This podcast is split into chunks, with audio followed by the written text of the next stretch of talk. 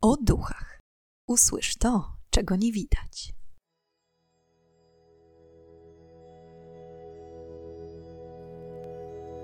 Witam i pytam, czego dusza pragnie.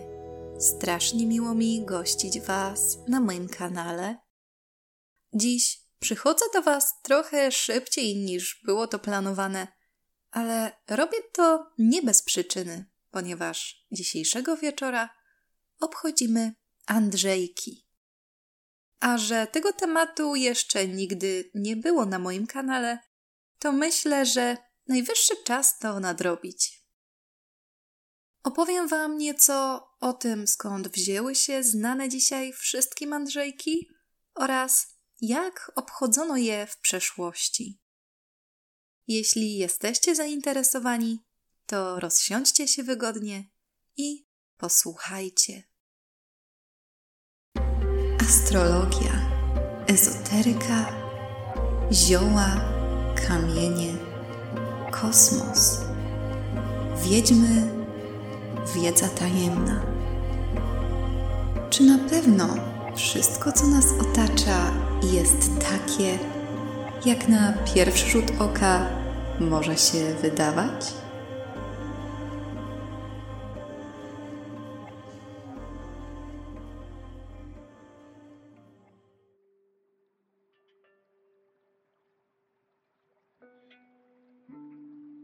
Jak wiele dzisiejszych świąt, Andrzejki pochodzą od pogańskich wierzeń.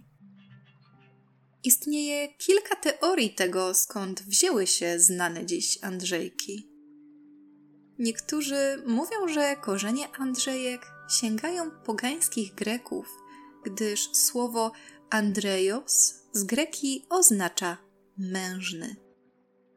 Inni znów uważają, że podobnie jak Samhain, czyli dzisiejsze Halloween, Andrzejki pochodzą od starożytnych Celtów i ludów germańskich. Czcili oni boga Freyra, utożsamianego z miłością, płodnością i bogactwem. W Europie obchody te pojawiły się w XI wieku i były hucznie obchodzone przez Słowian. Dawniej Słowianie wierzyli w różnego rodzaju bóstwa, duchy oraz demony i czcili je. U Słowian przeważał kult boga Roda, związanego z rodziną, kultem przodków i losem. Drugim ważnym bogiem był Weles, znany jako Bóg zaświatów. Jego atrybutem jest klucz, który również do dziś kojarzony jest z Andrzejkami. Same Andrzejki nazywane były przez Słowian świętem Goduna. Goduny to przyjazne duchy, których zadaniem jest czuwać nad małżonkami, narzeczonymi i podsycać uczucia między nimi. Goduny symbolizują namiętność, płodność i zdrowe potomstwo. Można nazwać je odpowiednikami Amora. Dbały również o rozród zwierząt i świeże jedzenie, dlatego im również należało składać dary. Najlepiej z owoców i wina, ponieważ te najbardziej im smakowały. Kiedy goduny były zaniedbywane, mogły odpłacać się w złośliwy sposób prowokować kłótnie kochanków, zakłócać sen, powodować bóle głowy, a nawet doprowadzać do rozstania. Dawały także sygnały. Kiedy jedzenie szybko się psuło, miało to zwiastować nadchodzącą kłótnię. Podobnie jak przy obchodach 1 listopada, wierzono, że w noc Andrzejkową duchy w tym duchy przodków oraz demony, mogą przedostać się do naszego świata. A okazji było wiele. Żyjący bowiem wierzyli, że duchy mają moc przewidywania przyszłości i losów człowieka. Dlatego też w noc Andrzejkową wróżono i proszono duchy o podpowiedź dotyczącą ludzkiego życia. A że najczęściej ludzie są ciekawi tego, co czeka ich w miłości, to pytano duchy poprzez wróżby o przyszłość dotyczącą tej sfery życia. Warto zaznaczyć, że przed chrystianizacją Andrzejki jako takie nie były obchodzone. Wtedy czas od nocy z 24 na 25 listopada do nocy z 29 do 30 listopada nazywał się właśnie Świętem Goduna, podczas którego organizowano ogniska, biesiadowano, śpiewano i tańczono. Obchody święta Goduna były bardzo podobne do obchodów święta zmarłych czy Halloween oraz wcześniejszego Samhain. Ogólnie cały listopad uważano za miesiąc o dużym potencjale paranormalnym. W tym czasie składano też ofiary dziadom w postaci zwierząt i roślin, aby ich moc pozwalała na uzyskanie satysfakcjonujących odpowiedzi. To, co odróżniało też pierwotne świętowanie dzisiejszych Andrzejek, to fakt, że wróżyć mogły nie tylko panny na wydaniu, ale także kawalerowie, osoby zamężne, starsze, wdowy, wdowcy, a nawet dzieci i całe rodziny. Wtedy nie koncentrowano się wyłącznie na wróżbach miłosnych, a brać udział mógł każdy, kto miał jakiekolwiek pytanie do świata. Znów zaświaty miały pomagać w udzieleniu odpowiedzi. A skoro mowa o wróżbach dla całej rodziny, to często bywało też tak, że dziecko, będące już w wieku umożliwiającym za mąż pójście, często wróżyło w obecności rodziców, aby ci mogli ocenić, czy wywróżona osoba to tak zwana dobra partia. Znów po chrystianizacji obchody święta Goduna nieco się zmodyfikowały. Jako, że od tamtej pory zbyt częste i bliskie obcowanie dziewcząt z chłopcami uznawano za niestosowne, postanowiono zorganizować osobne święta dla każdego z nich. I tym sposobem, jako otwarcie czasu świętowania, organizowany był męski odpowiednik Andrzejek, nazwany Katarzynkami, a zamknięciem tego okresu były właśnie Andrzejki, zwane czasem Jędrzejkami, a także ostatkami, ponieważ po nich następowało zamknięcie starego roku liturgicznego i rozpoczęcie nowego, zaczynając Adwent. Nazwę świąt wzięto od imion świętych. Świętej Katarzyny, która jest patronką mężczyzn cnotliwych, i świętego Andrzeja, który, uwaga, jest patronem podróżników, rybaków i rzeźników. Czasem mówi się także, że patronuje małżeństwom. Patronem kobiet jest święty Mikołaj, choć, jak wiadomo, jego rola od dawna została zarezerwowana w innym celu. I choć, jak wiadomo, w religii chrześcijańskiej wróżby, czary i ogólnie magia są surowo zabronione, to Andrzejki i wróżby Andrzejkowe jakimś dziwnym trafem są wyjątkiem. Z biegiem czasu Katarzynki mocno straciły na popularności. Myślę, że można pokusić się o stwierdzenie, że aktualnie są na wymarciu. Za to Andrzejki, które początkowo były zarezerwowane wyłącznie dla kobiet, dziś są imprezą niezależną od płci, w której może brać udział każdy. Ogólnie mówi się, że w Andrzejki powinno się być miłym i serdecznym dla siebie i innych – aby wróżby przybrały na sile. Sny w noc Andrzejkową są prorocze, więc warto je zapamiętać. Tej nocy nie powinno się również wykonywać pracy intelektualnej, ponieważ można stracić rozum. Ale wracając jeszcze do przeszłości, ogniska organizowane w czasie świętowania nazywane były ogniem świętego Andrzeja i miały za zadanie odstraszyć złe duchy. Już wieki temu panny na różne sposoby wróżyły, która z nich pierwsza wyjdzie za mąż, na przykład znaną wróżbą polegającą na układaniu lewego buta wzdłuż ścian pokoju. Właścicielka buta, który pierwszy przekroczy próg, jako pierwsza wyjdzie za mąż. Ile będzie miała dzieci, na przykład licząc nasiona w jabłku i jak będzie miał na imię jej przyszły małżonek, przekuwając kartki z imionami, wkładając karteczki z imionami chłopców pod poduszkę i losując, czy obierając jabłko i rzucając obierkę za siebie. Litera, którą utworzy obierka, będzie pierwszą literą imienia przyszłego męża.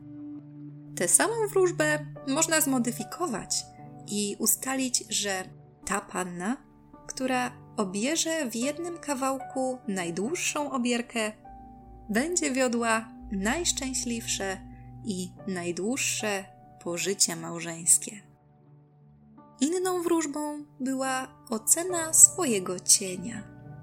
Świętujący w tym przypadku mogli to być zarówno mężczyźni, jak i kobiety. Siadali w rzędzie przy ognisku i oglądali swoje cienie.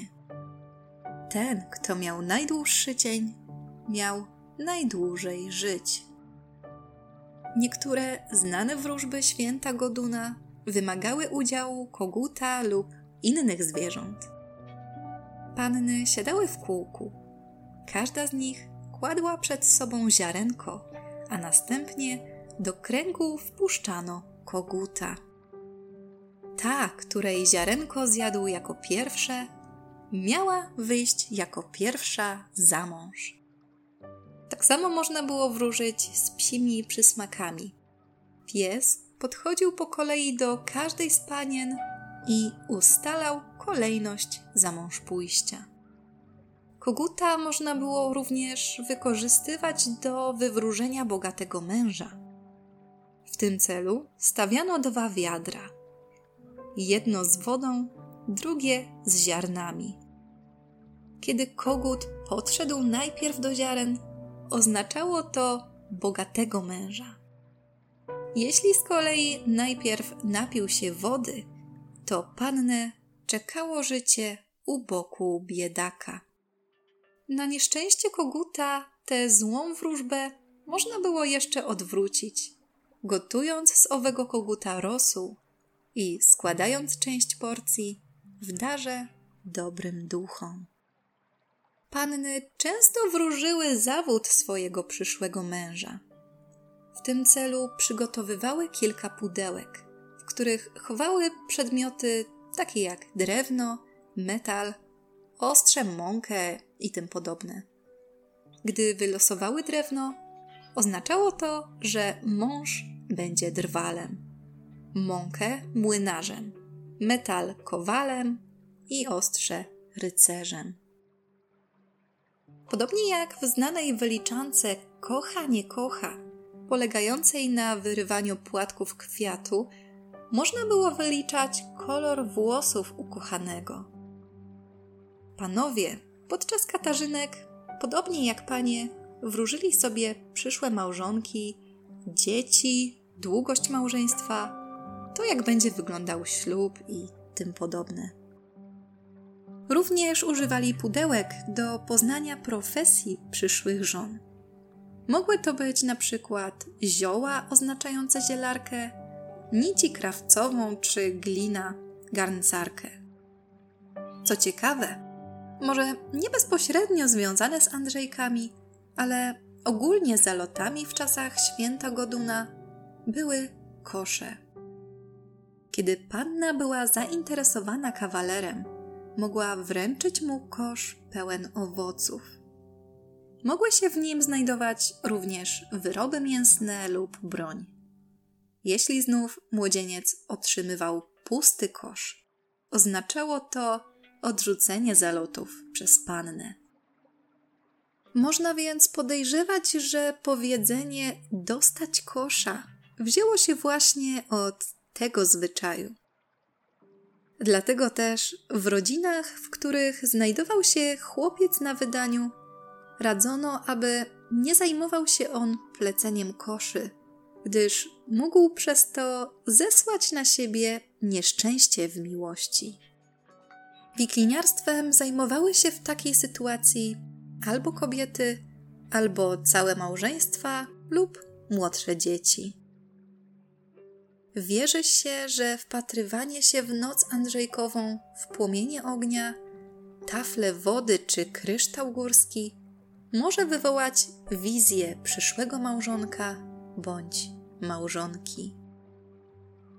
Znów strona, w którą zaszczekał pies w noc Andrzejkową, miała zwiastować kierunek, z którego przybędzie przyszły mąż. Wyczytałam też gdzieś przedziwny przesąd sadzenia nasion lnu, a następnie zbierania plonów męskimi spodniami. Nie mam pojęcia, jak mogłoby to pomóc w znalezieniu miłości, ale może na kogoś podziałało. W czasach współczesnych niekwestionowaną królową wróżb Andrzejkowych jest lanie wosku przez dziurkę od klucza i odgadywanie kształtu. Co ciekawe, aby wróżba miała jak największą moc, klucz powinien być albo z bramy kościelnej, albo należeć uprzednio do naszego przodka, na przykład babci czy wujka. Powinno się interpretować kształty wosku na swój sposób, ale kilka z nich jest dość uniwersalnych i tak, jeśli zobaczymy słońce, oznacza to wiele szczęścia w najbliższym czasie. Głowę psa zdobędziemy nowego przyjaciela lub odnowimy starą znajomość, a serce miłość w niedługim czasie. Po zakończeniu wróżby powinno się zebrać resztki wosku i stopić, wykonując rytuał miłosny. Odlew natomiast należy schować w bezpiecznym miejscu na cały rok, a następnie można albo zrobić z niego świecę intencyjną, albo wykorzystać ponownie do wróżby lania wosku. Oprócz tej znanej wróżby, można również wróżyć z fusów, używać kart, pracować z wahadełkiem i wykonywać inne magiczne rytuały. Znanymi wróżbami Andrzejkowymi są również losowanie imion z miski pełnej karteczek, rzut monetą do miski z pewnej odległości. Jeśli moneta wpadnie, nasze marzenie się spełni. Można również wypisać swoje marzenia na karteczkach i wrzucić je do miski z wodą. Ta, która jako pierwsza utonie, jest marzeniem, które spełni się jako pierwsze. Inną wróżbą jest losowanie z kubeczków. Do czterech papierowych kubeczków wkładamy kolejno monetę, klucz, pierścionek i cukier. Mieszamy kubeczki i losujemy. Wylosowana moneta oznacza bogactwo, klucz przeprowadzkę, pierścionek ślub, a cukier szczęśliwe życie. Szpilki również idealnie nadają się do wróżenia. W noc Andrzejkową rozsypujemy 13 szpilek. Jeśli dostrzeżemy w nich literę E, oznacza to odniesienie sukcesu zawodowego w pracy, w szkole czy na uczelni. Jeśli zobaczymy literę M, oznacza to owocną znajomość a przeprowadzkę lub podróż, a X niespodziankę. H z kolei oznacza zakochanie z wzajemnością. Warto jednak zaznaczyć, że w Andrzejki oprócz miłości można także wywróżyć nowych przyjaciół, nową pracę, podróż i tak naprawdę co tylko chcemy. Ale niezależnie od intencji, po zakończonej nocy wróżb bezwzględnie należy oczyścić pomieszczenia i przedmioty, którymi się posługiwano, aby zapobiec zagnieżdżeniu się w nich złych bytów. Zresztą przed wróżeniem również powinno się je odpowiednio przygotować, aby złe duchy i demony nie mąciły nam w głowach oraz aby nie fałszowały wyników wróżb. A czy wy obchodzicie Andrzejki? Czy macie swoje ulubione wróżby? A może znacie jeszcze jakieś inne ciekawostki na temat tego święta, o których nie wspomniałam? Zapraszam do komentowania.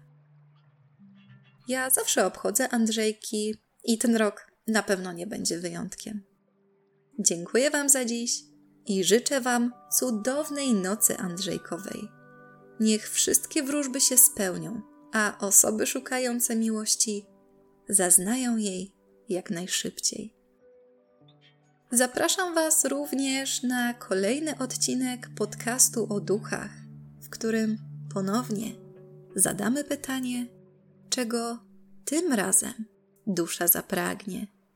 Do usłyszenia